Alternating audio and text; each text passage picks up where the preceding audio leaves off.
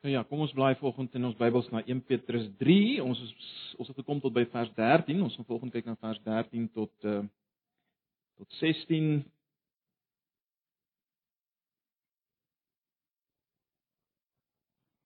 As jy dit plek het, kom ons raak net verstil vir 'n oomblik weer en vra dat die Here ons sal help om te hoor wat hy uh, vir ons wil sê. Ja, Here, ons kom net weer na U toe nou en ons gebed is nou dat U vir ons sal help om om te hoor wat U vir ons wil sê. Here, sodat ons as vreemdelinge en bywoners in hierdie wêreld, soos die eerste lesers van Petrus,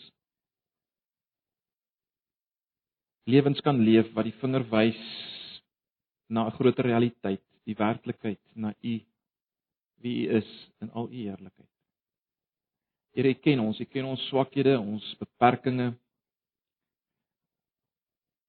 Ons is baie bewus van die geweldige taak wat op ons skouers lê, naamlik om U aan die wêreld voor te stel. Maar help ons ook om ver oggend die woord te hoor wat dit wat dit betref. Verander ons denke, verander uiteindelik ons wil. Asseblief, Here. Ons vra dit alleenlik weer eens op grond van dit wat U vir ons gedoen het in Jesus. In onsself, Here, is ons mislukkings. Ons is baie bewus daarvan. Ons is afhanklik van U. Sonder U kan ons nie. Kan ons niks. En daarom vra ons, help ons in Jesus se naam. Amen.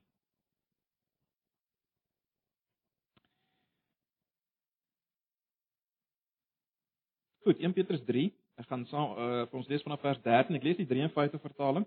Ek sal wel verwys na die 83 ook hier en daar. Petrus sê en wie is dit wat julle kwaad sal aandoen as julle navolgers is van die goeie? Maar as julle ook moet ly ter wille van die geregtigheid, salig is julle.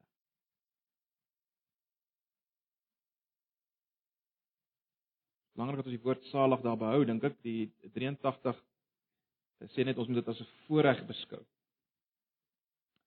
en vrees hulle glad nie en wees nie ontsneld nie, maar heilig die Here God in julle harte en wees altyd bereid om verantwoording te doen aan elkeen wat van julle rekenskap eis omtrent die hoop wat in julle is, met sagmoedigheid en vrees, met behoud van 'n goeie gewete sodat in die saak waarin hulle van julle kwaad spreek soos kwaad soos van kwaaddoeners, hulle beskaam mag word wat julle goeie lewenswandel in Christus belaster. Ek gaan net so ver lees. Uh, ek weet in julle selfgroepboeke is vers 17 ingesluit. Ek wil dit graag laat val by die by die volgende gedeelte as ons uh, as ons daarby gaan uitkom oor 'n paar sondae. So ons lees net so ver.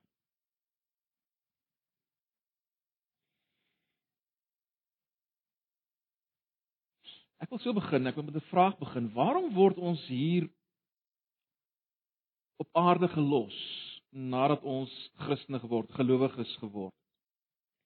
Waarom vat die Here ons nie weg uit hierdie toestand waar ons uh, soos Petrus dit stel vreemdelinge en bywoners is met wie dit baie swaar gaan dikwels? Waarom vat hy ons nie weg nie? Kom ek stel dit nog anders. Wat kan ons hier doen wat ons nie beter kan doen as ons by die Here is?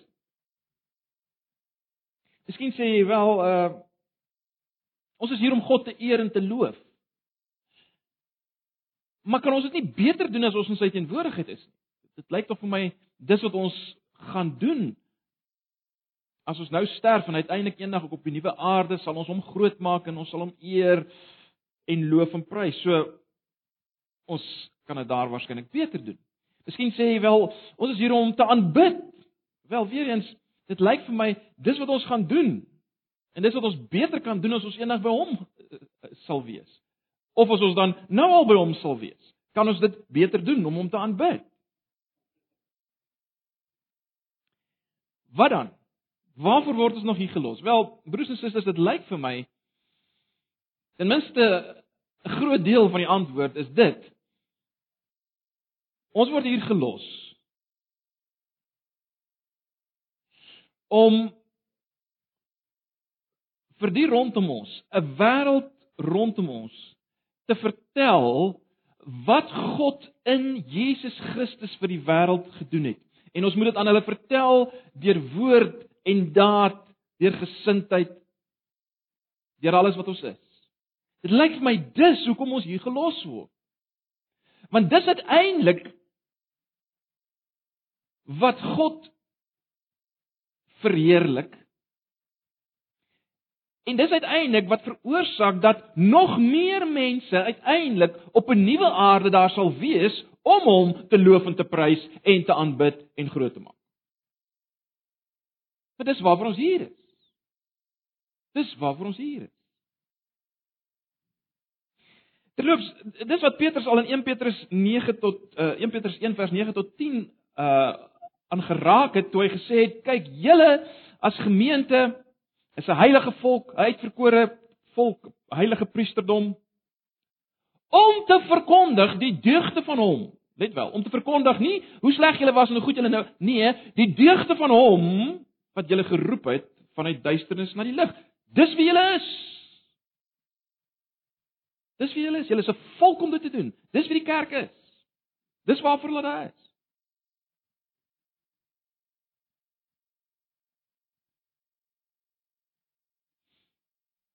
En hy het, hy het voortgegaan om te wys in verskillende situasies van die lewe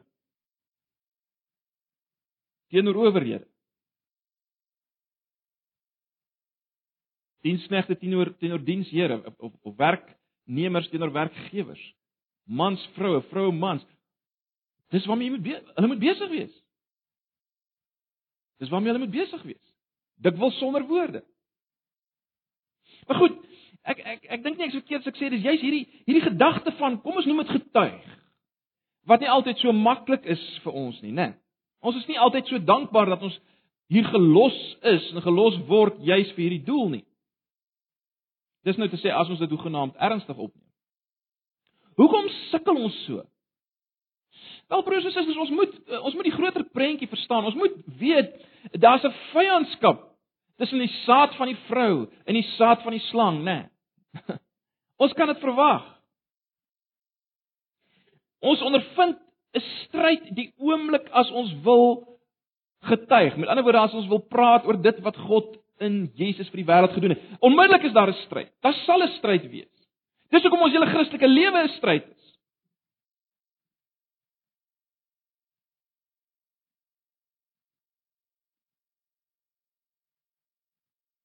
Dis hoekom gebed 'n stryd. Enige iets wat ons doen is 'n stryd. Want as hierdie geveg aan die gang as ek dit so kan stel.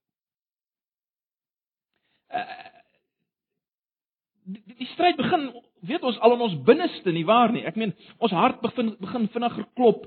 Uh, ons keel trek toe, ons is bang nog voor ons begin het om te praat oor wat God vir die wêreld in Jesus gedoen het. Is dit nie so nie? En dan nog verder Dan kry ons dikwels skewe kyke en 'n 'n bietjie van 'n snaakse houding teen ons. En dit kan verskillende afmetings aanneem. Petrus skryf vir ouens wat letterlik fisies uiteindelik vervolg is en dit sou al erger gaan nadat hy sy brief geskryf het, het dit nog erger gegaan. Ons weet dit. Hy skryf vir hulle.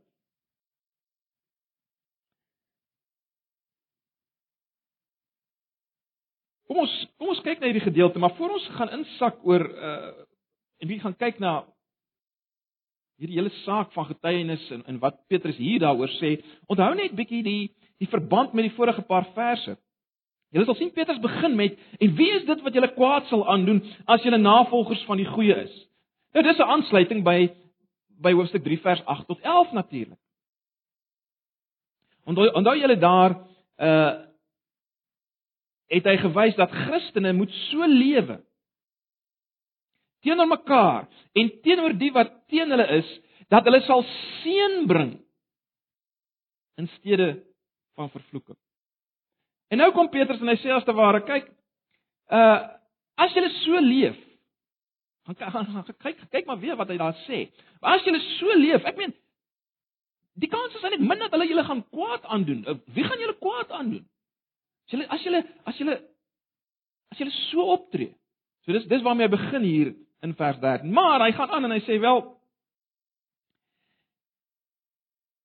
En dis die realiteit vir 'n implikasie gaan julle ook ly as julle doen wat reg is ter terloops die die woord geregtigheid hier gaan maar oor doen wat reg is. Uh hy sê julle gaan ook ly as julle doen wat reg is. Dis Is ongelukkig want julle is in hierdie wêreld vreemdelinge bywoners, né? Nee. Dis so ook as julle doen wat reg is, gaan julle uh, gaan julle lyding kry. Maar sê hy onthou net, dan is julle in die woord wat hy gebruik is salig. 83 vertaling sê net julle moet dit as 'n voorreg beskou. Maar maar dit is belangrik om die woord salig te sien. Wat is die wat is die woord salig? Wat waar, waaroor gaan dit? Salig beteken dan jy letterlik goddelik gelukkig. Terloops, dis die woord wat Jesus gebruik, ons weet, uh in die sogenaamde saligsprekinge, né? Matteus 5. As hy as hy wys hoe lyk die mense wat behoort aan die koninkryk, dan dan dan spreek hy hulle aan as salig. Salig salig en baie interessant. In daardie selfde saligsprekinge sê Jesus salig is julle wanneer julle vervolg word ter wille van geregtigheid. En hy gaan nog verder. Hy sê salig, goddelik gelukkig is julle as die mense valslik allerhande dinge van julle sê wat nie waar is nie. Salig is julle. En onthou net Petrus weet dit. Petrus onthou dit.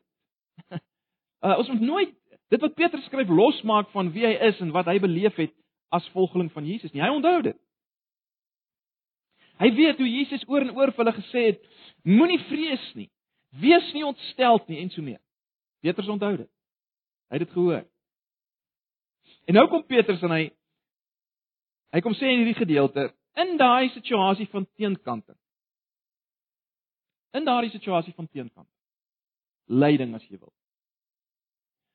moet julle iets doen teenoor die mense wat hierdie goed aan julle doen. Wat moet julle doen? Wel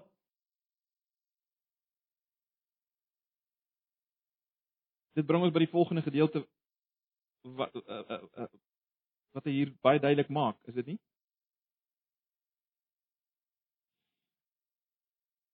Vers 15 dink ek is die sleutel.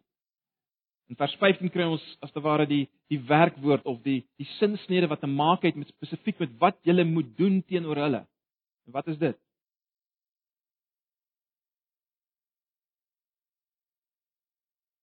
Wees altyd bereid om verantwoording te doen aan elkeen wat van julle rekenskap eis omtrent die hoop wat in julle is. Dis die dis die dis die dis die hoofgedagte, die hoof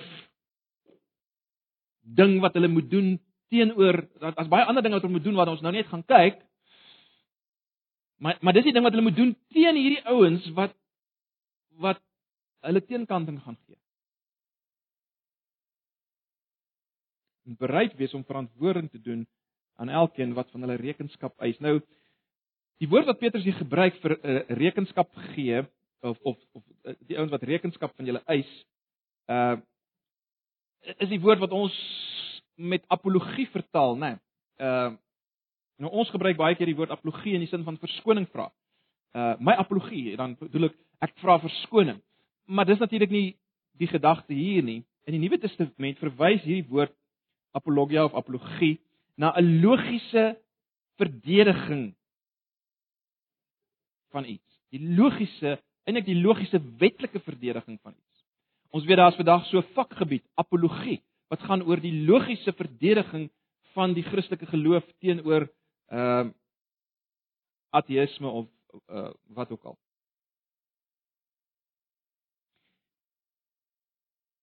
Nou Petrus gebruik waarskynlik die woord omdat hy weet wat dit behels. Hy weet wat dit is om aangekla in 'n hof te staan en 'n antwoord te gee.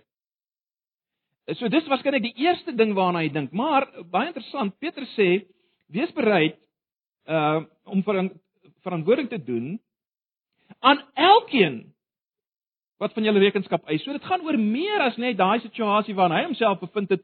Ek kan amper sê in 'n in 'n wetlike hofsituasie. Hy sê aan elkeen wat van julle 'n apologie vir eis, vra.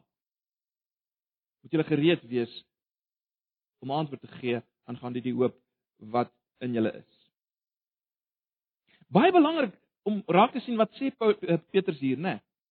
Petrus sê nie vir hierdie mense dat hulle moet begin rondhardloop en vir elke ou in die omgewing vertel, kyk, God het 'n wonderlike plan vir jou lewe en Jesus het jou lief en dis wat hy vir jou gedoen het nie. Dis nie wat Petrus hier sê nie.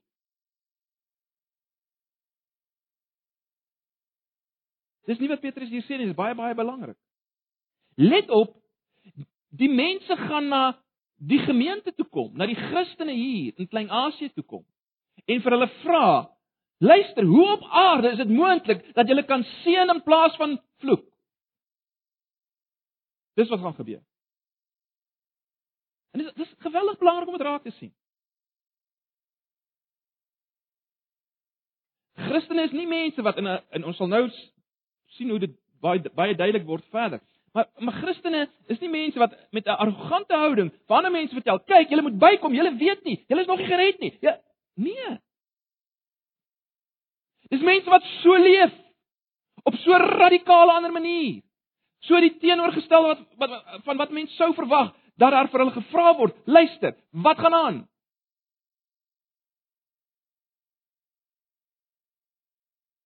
En ja, selfs in die aangesig van die loop van 'n geweer. Gevra word, wat is dit? Wat hoekom is julle so anders? Dis waaroor dit gaan, né? Nee, dis waaroor dit gaan. Jy sien die lewe van vers 8 tot 11 lok die vraag uit. Die lewe van vers 8 tot 11 gee aanleiding tot die reg, as ek amper dit so kan stel, om te getuig. Die lewe van vers 8 tot 11. So sorg dat jy weet wat gaan aan in vers 8 tot 11. Jy sien die getuienis wat effek het. En tot God se eer is, is die getuienis wat uitgelok word wanneer 'n lewenswandel dit uitlok.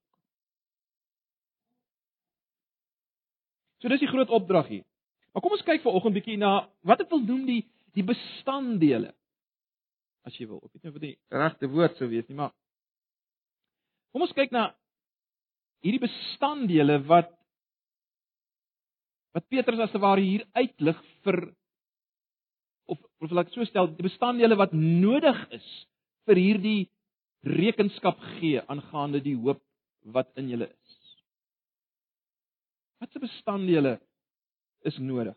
En ek wil dit vanoggend onder so 'n paar hoof hoofies wat dit is daar op julle op julle raamwerk. Ek wil dit onder 'n paar hoofies indeel. In die eerste plek wil ek julle wys of of laat ek so sê wil ek wys op hierdie op 'n omreiling van vrees wat waarvan hier ter sprake is. Daar's 'n omreiling van vrees ter sprake. Daar moet 'n sekere hoop wees in die tweede plek waaroor getuig word.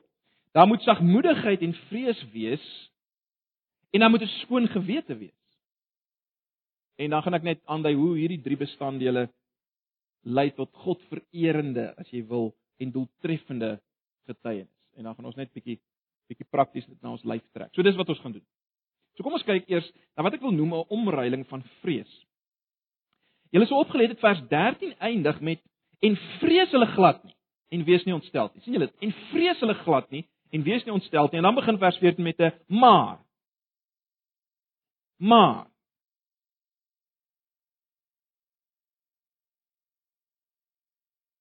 Of eintlik vers 14 begin met 'n maar, maar ook vers 15.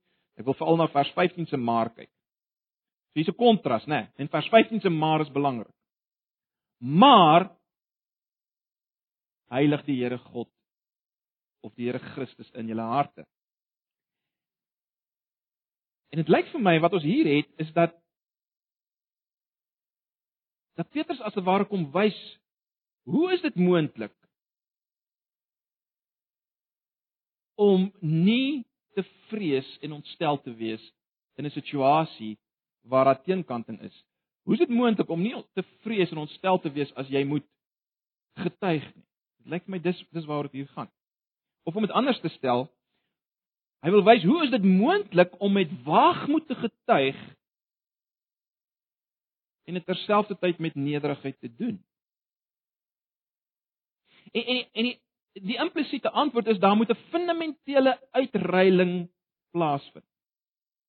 En ek wil dit so stel, Christene moet die vrees vir mense verruil vir die vrees van God. Dit lyk vir my dis waaroor dit hier gaan. Dit lyk my dit gebeur as jy die Here God in jou hart heilig. As jy die Here God in jou hart heilig. Kom ons dink net 'n bietjie daaroor. Weereens uh onthou dis Petrus wat hier skryf. En ons moet nie wat hy skryf losmaak van sy hele persoon as Petrus nie, want God werk met persone as persone. Ook as hulle die skrif skryf.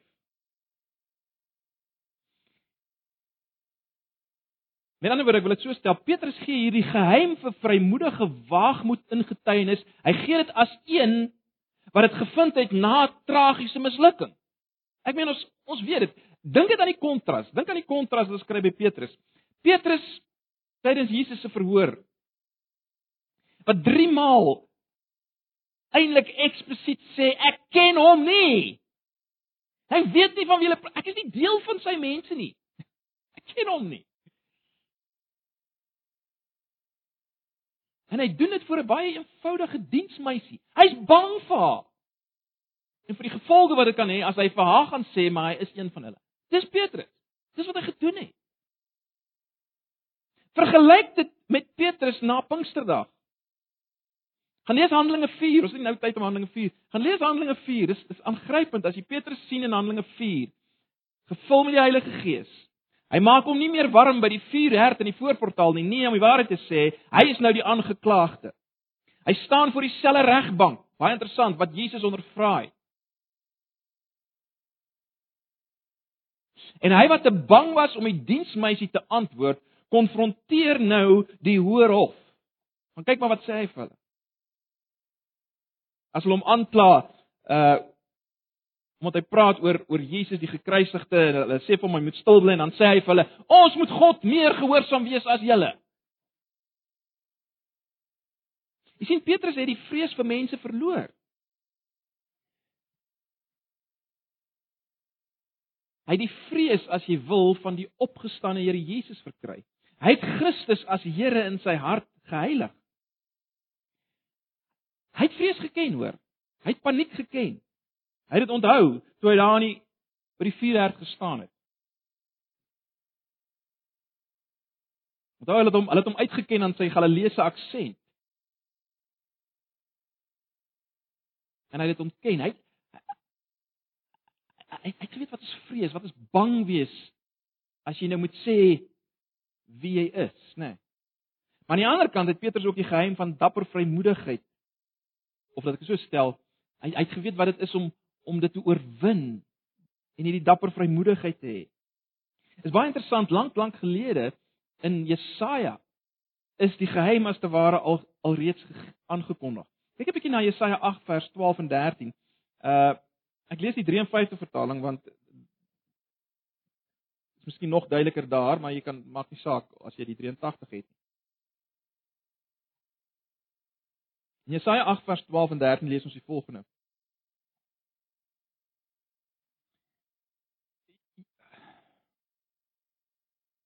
Julle mag nie alles 'n sameswering noem wat hierdie volk 'n sameswering noem nie en julle mag nie bevrees wees vir wat hulle vrees of verskrik wees nie. En dan vers 13, die belangrike een. Die Here van die leerskare, hom moet julle heilig en laat hy julle vrees en hy julle verskrikking wees. Aangrypend. En en dis dis die gedeelte waar Petrus aanhaal, hoor, moenie fout maak nie. En daar's geen twyfel dat hierdie woord van die Here Petrus se eie hart deurpriem het nie. Ek meen hy het al en eh, eh, eh, wat wat wat mens verseker dat dit so is is dat Petrus het al uit hierdie presiese gedeelte in Jesaja aangehaal toe hy gepraat het oor die oor die steen van aanstoot daar in 1 Petrus 2 vers 8. So so wat ons kan weet is Petrus het Jesaja bestudeer. Petrus het Jesaja gelees.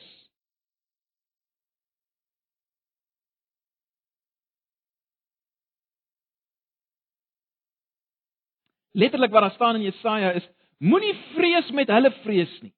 Jy sien in daai profesie roep eh, Jesaja uh of wat ek so sê in in hierdie profesie van Jesaja roep die Here sy volgelinge op om nie te vrees met die vrees wat wat die ander mense vrees nie. Ja, hulle sien die die mag van die vyand, maar hulle moenie daardie normale vrees vir die mag van die vyand hê nie. En wat die wat die Here daar sê is die teenmiddel vir daardie vrees van mense is 'n bewustheid van die heerlikheid van die Here self. 'n Vrees vir hom, as jy wil 'n ontzag vir hom, 'n eerbied vir hom. Dis die antwoord.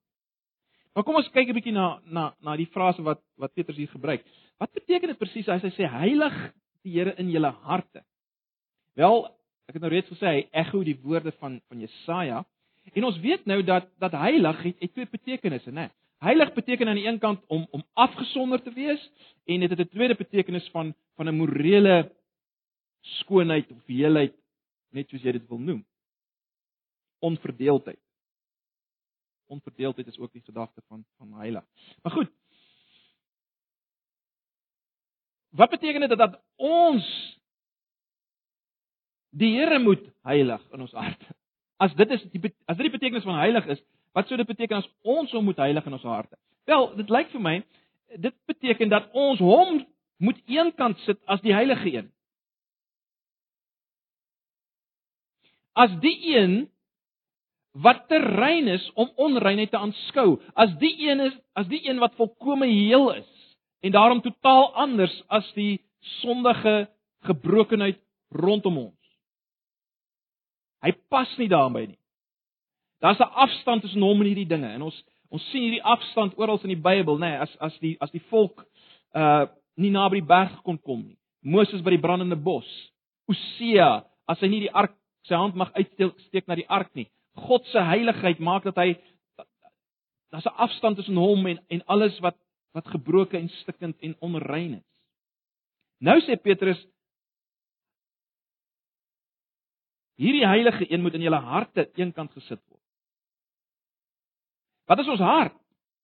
Wel, ons hart verwys nie as die Bybel daarvan praat dan verwys dit nie na daai bloedpomp in die middel van ons borskas nie, nê? En dit is verwys ook nie na een van die fisiese kamers van ons hart waar ons hom nou moet Ons moet nou die Here op 'n manier daar in een van die kamers van ons hart indruk. Dis natuurlik nie wat hy sê nie. Ons weet dit tog. Wat is ons hart? Wel, ons hart is die setel van wie ons is, nie waar nie? Dis dis jou denke saam met jou gevoelens. Julle sal weet in Spreuke 4 vers 23 sê: "Wees veral versigtig wat in julle harte aangaan, want dit bepaal jou hele lewe." Wees versigtig wat in jou hart aangaan, dit bepaal jou hele lewe. Dit wat in jou binneste aangaan en wat jy dink en waaroor jy pyns as jy alleen op jou bedjie lê, dit bepaal eintlik jou hele lewe. Ons weet dit. En dis daar waar ons die Here moet heilig. In 'n ander woorde, om die Here te heilig in jou hart beteken dat jy hom nie net teoreties los van jouself as iets heilig beskou nie, maar jy plaas hom by wyse van spreuke in jou binneste in daai diepste wese van wie hy is as die heilige. Jy erken met ander woorde sy sy heerskap. Jy bely sy verhewe godheid. Jy's gedurig bewus hierdie een is in my. Hy is nou in my.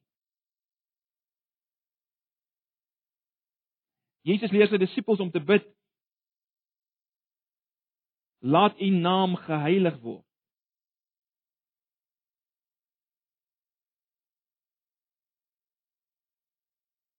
So daai daai gebed vra dat God sy eie naam sal eenkant sit.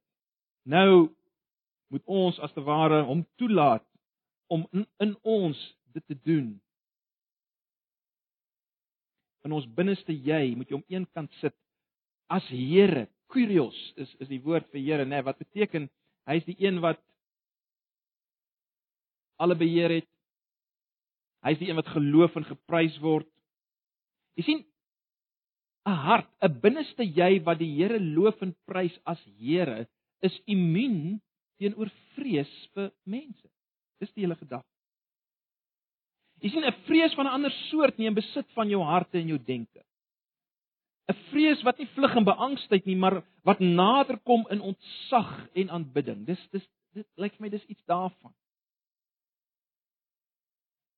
Nou die die 53 vertaling het nie eksplisiet Christus daarin nie, maar dis jammer as want letterlik is dit uh ek dink die 83 het dit daar as hy sê in julle harte moet daar net heilige eerbied wees vir Christus die Here. Jy sien Jesus Christus is die Here, Jahwe van die Ou Testament, die Here van die leerskare van Jesaja.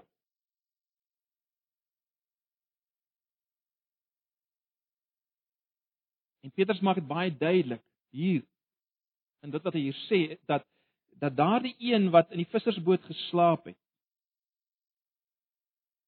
is die almagtige skepper van hemel en aarde. En deur sy opstanding, deur sy opstanding is is is is hy bevestig as die een wat mag het oor alles, net soos hy op aarde mag gehad het oor die demone en hulle kon bestraf. Die demone was bang vir hom. Die elemente wat hulle self opgestel het teen hom was bang vir hom, het hom gevrees. Deur sy opstanding bewys hy dat hy daardie daardie een is met alle mag en en en, en Petrus sê dis die een. dis die Here Christus wat jy moet heilig in jou hart. En ag broers en susters,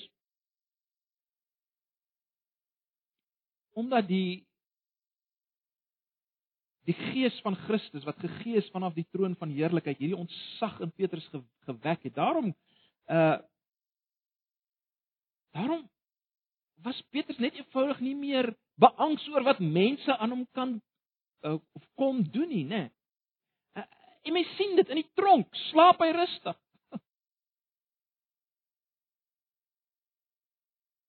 hy hy ek het al daarna verwys toe ons Markus gedoen het, né?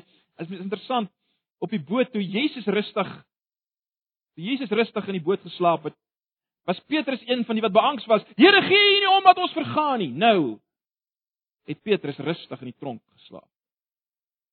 Want hy het gesien wie's die een wat by hom is. Hy het hom gehad heilig in sy hart. Hy het nou verstaan wat Jesus gesê het, Jesus gesê het moenie vrees vir die wat liggaam dood wat die liggaam doodmaak, maar vrees eerder hom wat wat wat liggaam en siel in in die verdoemenis kan werp. Toe Jesus dit gesê het, het hy het hy sy woorde op uh, opgevolg met met wonderlike versekerings aan sy disippels. Hy het hulle in daai selfde gedeelte gesê: "Julle Vader het selfs die hare van julle hoof getel." Hy hy weet presies wat aangaan met julle. Niks kan buite sy versorging om met julle gebeur nie. En dis dis dis die gedagte hier net. Die Christen is iemand wat hierdie vrees as te verhare verloor het deur die opstanding van Jesus, want want dit het gewys wie hy is. En natuurlik het dit veroorsaak dat die dat die Gees nou in ons kan wees en en ons kan verseker daarvan en en bevestig, maar dis baie belangrik. Die Christen het nie meer dieselfde angs as wat die nie-Christen het vir vir al hierdie dinge rondom ons nie. Of dit nou gewapende roof is of kanker of ISIS of plaasbesetting, natuurlik bly dit erg, maar ons het nie meer dieselfde beangstigheid daaroor. Ons het nie meer dieselfde beangstigheid. En spesifiek nie 'n beangstigheid teenoor die wat ons ter vervolg teengaan ter wille van Christus nie.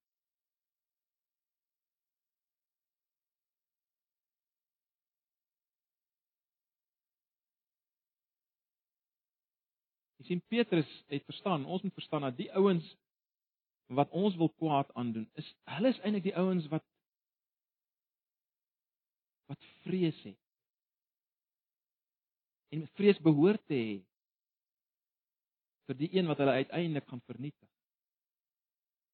Goed, dis dit dis die eerste element en dis kardinaal belangrik broers en susters. Daar moet 'n uitreiling van vrees wees. Ek het nou lank lank gevat om dit te sê, maar dis die dis die hele punt. Heilig. Die Here Christus wat God is in julle binneste. Dis die geheim. As Paulus gaan aan en hy sê hy begin nou en hy maak dit duidelik waaroor moet hierdie rekenskap gegee word? En dis baie belangrik.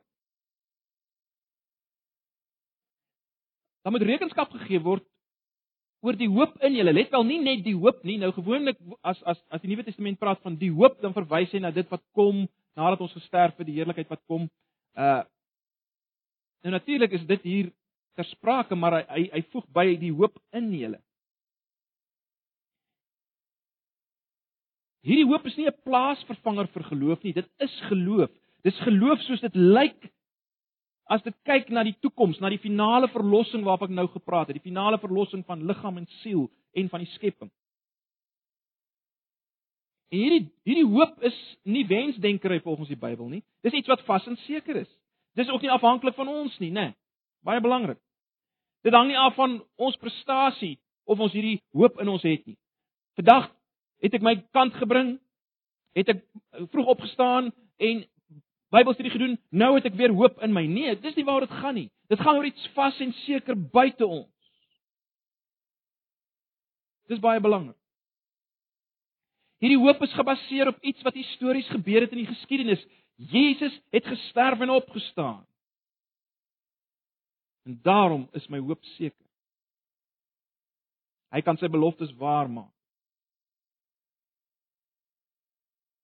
Ek sê weer, hoop is as te ware die die vorm van of is die vorm wat geloof aanneem onder die dreiging van dood.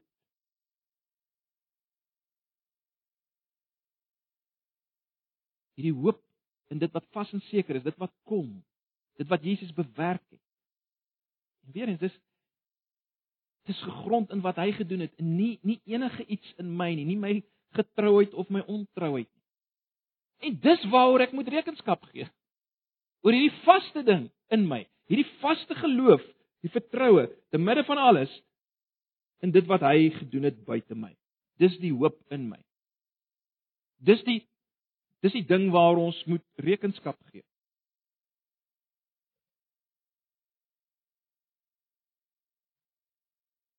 En nou gaan Petrus voort en hy sê dit moet gedoen word met sagmoedigheid en vrees. En dit is nogal belangrik.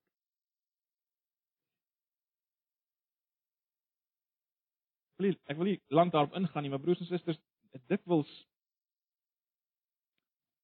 dikwels gaan Christelike getuienis gepaard met 'n tipe van 'n arrogansie.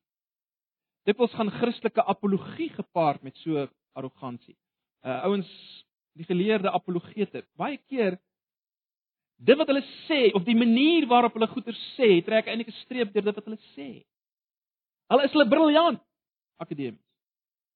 En dis waarteen Petrus hier skryf as te ware.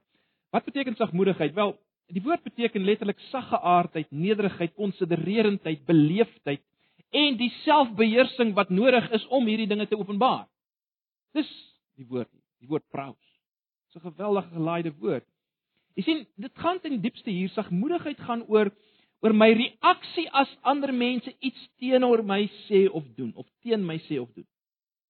So sagmoedigheid kom altyd na vore in verhouding met mense, né? Nee, sagmoedigheid is nie net iets wat ek kan nie sê daai ou is sagmoedig voordat ek nie gesien het hoe hy optree as iets teen hom gedoen word, as hy op sy tone getrap word. Voor dit kan ek nie sê hy is sagmoedig nie. So sagmoedige ou is nie die patetiese ou nee. Hoe reageer ek as teenoor my opgetree word? Teenoor my iets gedoen word?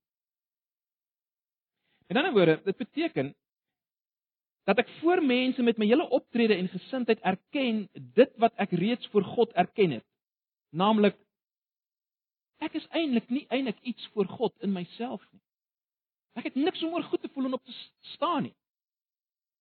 Dis ook om sagmoedigheid as Jesus die saligprekinge gee, sagmoedigheid kom na. Salig is die wat weet hoe afhanklik hulle van God is. Salig is die wat arm van gees is, sê die letterlike vertaling. Die wat arm van gees is, hulle is sagmoedig na buite, jy sien? Uiters belangrik, uiters belangrik. Kyk, ons wil van nature vir mense die indruk skep ons is in beheer. En ongelukkig wil ons dit baie keer ook doen as ons getuig. Ek is in beheer, man, kom ek vertel jou. Dis nie die gedagte hier nie.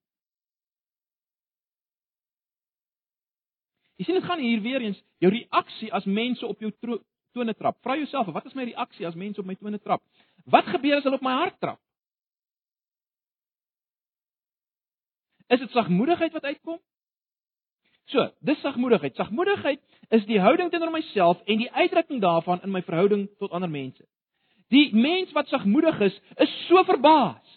Is so verbaas dat God in Jesus Christus hom genadig kon wees of haar genadig kon wees en soveel genade kon bewys. Hierdie persoon is so verbaas dat dit gebeur het. Dat God hom so goed kan behandel dat dit dit kom na buite as saggeaardheid en nederigheid en sensitiwiteit en geduldigheid as hy met ander mense omgaan. Julle hoor wat ek sê. Dit kan nie anders nie. As jy gesien het wie ek is vir God en wat hy met my wat hy aan my gedoen het, ek vir wie ek is. Hoe kan ek hard wees teenoor mense rondom my? Hoe kan ek arrogant wees as ek getuig? Nee, dit maak dat ek sagge aard en nederig en sensitief is en geduldig is met ander rondom my. En Petrus sê, dis wat nodig. As jy getuig, as jy rekenskap. Ek is nie meer sensitief op sensitief oor myself en vinnig op my perdjie met my dun velletjie nie. Dan kan jy nie getuie wees. Dis die punt. Dis wat nodig is om rekenskap te gee. Dit word verbind met die woord vrees baie vinnig. Hoekom? Wel, uh dit gaan hier nie oor die vrees vir mense nie, dis juist wat ons gesien het ons verruil het. Hierdie vrees gaan oor die vrees van die Here wat niks anders is as 'n ontzag en 'n respek en 'n eerbied, 'n bewustheid dat ek leef vir hom nie. Dit gaan saam met sagmoedigheid. En eintlik het ek nou gewys hoe dit saamgaan, né? Nee. As ek bewus is ek leef vir hom, as ek ontzag en eerbied vir hom het, wel dit kom uit in my verhouding teenoor ander mense na buite. Sy oë is gedurig op my. Soos die vorige gedeelte sê. En daarom kan ek nie anders as sagmoedig wees nie. Maar die volgende ding wat Petrus hier noem is doen dit met 'n behoud van 'n goeie gewete vers 16. Doen dit met 'n behoud van 'n goeie gewete. Wat is die gewete? Nou die gewete is al gedefinieer as as 'n persoon se innerlike bewustheid van die morele kwaliteit van sy optrede. Ek sê dit weer. Is daar die innerlike bewustheid van die morele kwaliteit van my optrede? Om beelde te gebruik. Jy kan sê dis die dis die dis die siel, daai binneste jyse alarmstelsel wat jou in staat stel om te bepeins oor jou motiewe en optrede en om evaluasies te maak oor wat reg en verkeerd is. Dis dis die gewete. Ek het al baie vir julle gesê die gewete is eintlik 'n neutrale skeieregter, né? Nee. Dit handel net op die inligting wat dit het. Dit blaas die vletjie op grond van die inligting wat dit het. Elke mens het van nature 'n bewustheid van reg en verkeerd, dinge waaroor hy aangekla word. Elke mens het dit. Maar nou baie belangrik vir die gewete om te werk soos God bedoel het, die gewete moet werk, moet die gewete die regte inligting kry, né? Nee, ek sê weer, die gewete is soos 'n skeieregter wat neutraal optree met dit wat hy het. En daarom moet ons die regte inligting gee vir ons gewete as ek dit so kan stel. Naamlik wat God wil volgens sy woord ingegee deur sy Heilige Gees. En dit veroorsaak uh dit veroorsaak dat dat ons gewete ons aankla of vryspreek in die lig van wat God wil, né? Nee.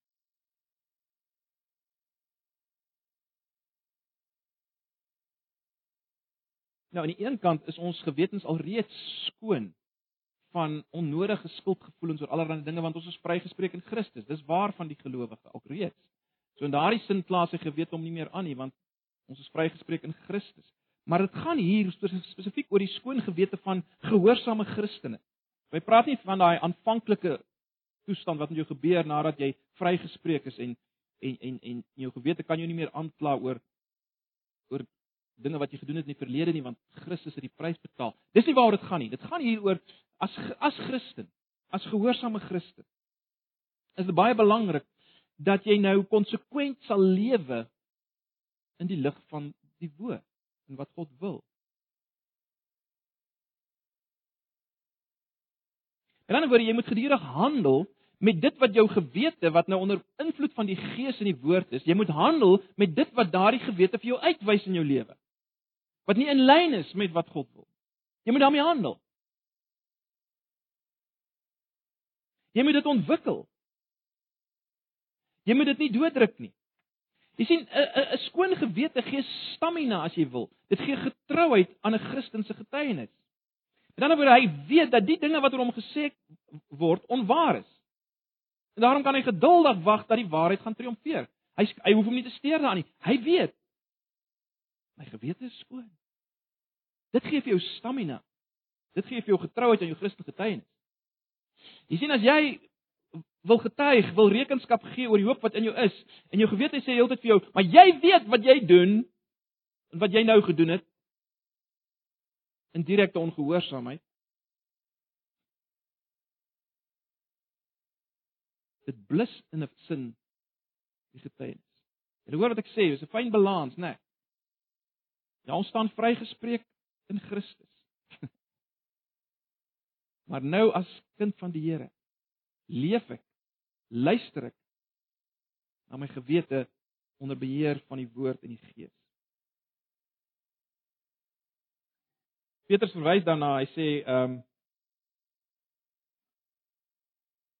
met behou van 'n goeie gewete sodat in die saak waarin hulle van julle kwaad spreek soos van kwaaddoeners, hulle beskaam mag word wat julle goeie lewenswandel uh belaster in Christus belaster. Sien die hele gedagte is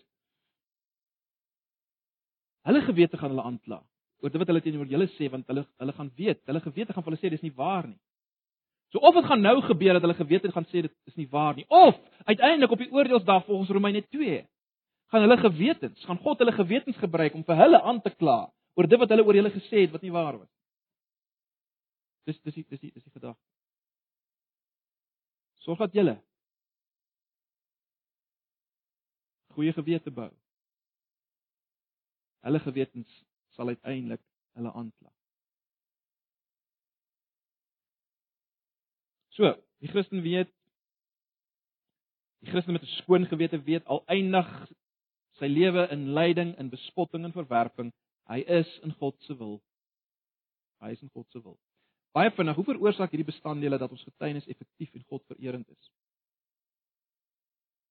Wel, dit is baie duidelik, né? Nee. In die eerste plek is is hierdie getuienis wat so gebeur, hierdie rekenskap gee, vereer God en is effektief want dit gaan nie oor onsself nie. Dit gaan nie weer eens hoe goed of hoe sleg ons is nie of hoe sleg ons was en hoe goed ons nou is nie. Nou dat ons die dapper ding gedoen het om in Jesus te glo nie, dis nie waar ons getuig nie, ons getuig oor die hoop, né? Nee. En per definisie as ons getuig oor die hoop, oor dit wat vas en seker is wat God in Jesus gedoen het, word God vereer en nie ons nie.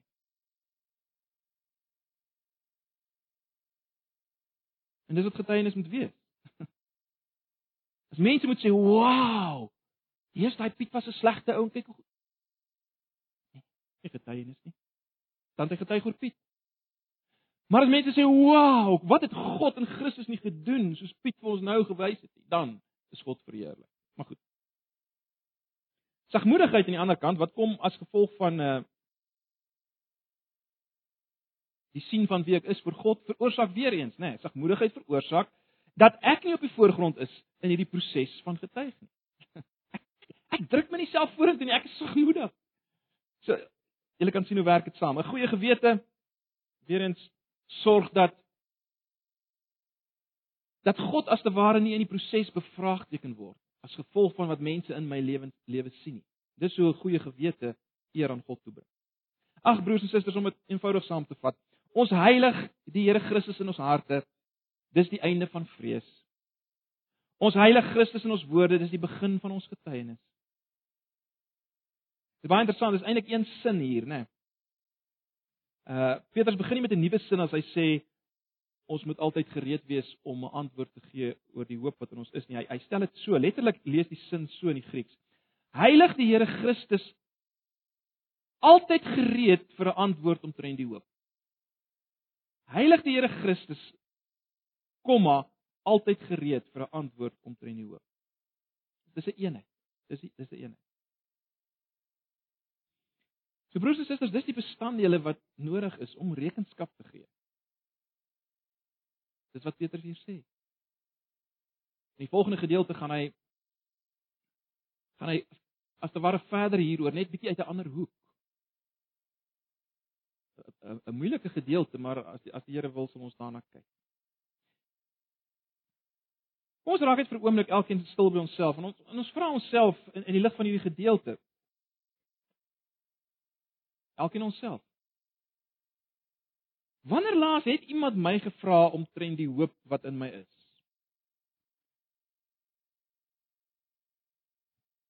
Is daar enige rede waarom iemand vir my moet vra om teen die hoop wat in my is? Is daar enige rede waarom iemand vir my dit sou vra? Of was ek so besig om almal rondom my te skel en te veg vir my eie regte en my eie naam?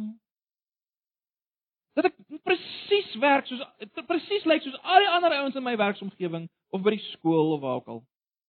Daar's geen rede hoekom hulle my sal vra oor die hoop wat in my is. Vra jouself of wanneer laas het iemand my gevra Hoekom tree jy so op? So anders op. Hoekom? Wanneer laat iemand jou dit gevra?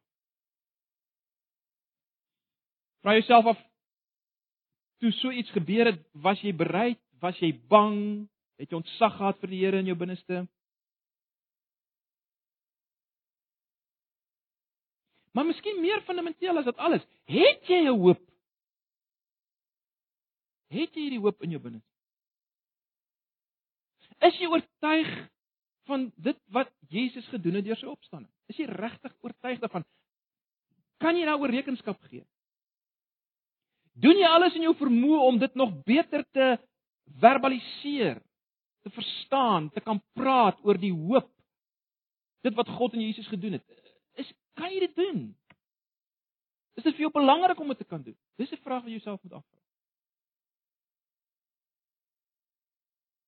Broers en susters, as as ons sou saamstem met my stelling aan die begin dat dit waarskynlik die groot rede is waarom ons nog hier is, dan is dit tog net belangrik dat ons sal kan rekenskap gee van hierdie hoop. En dan net in die lig van wat ons gesê het,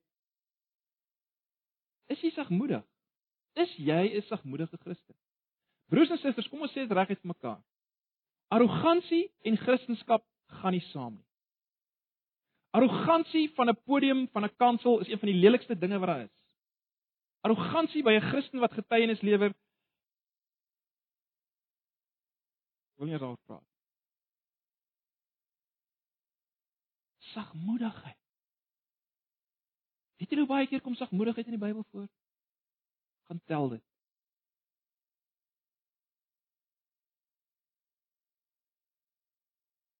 Gaan tel. Ag, gaan dink self oor sagmoedigheid. Ek gaan nie weer daaroor uitbrei nie. En dan natuurlik wat maak ons met ons gewetens? Wat maak ons met ons gewetens? Druk jy jou gewete dood soos jy 'n wekker op 'n Saterdagoggend dooddruk of gee jy ag op jou gewete?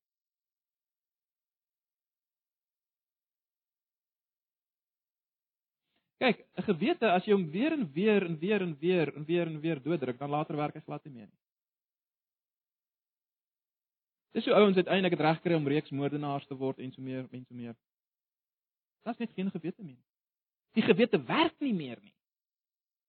Die batterytjie van die wekker is pap.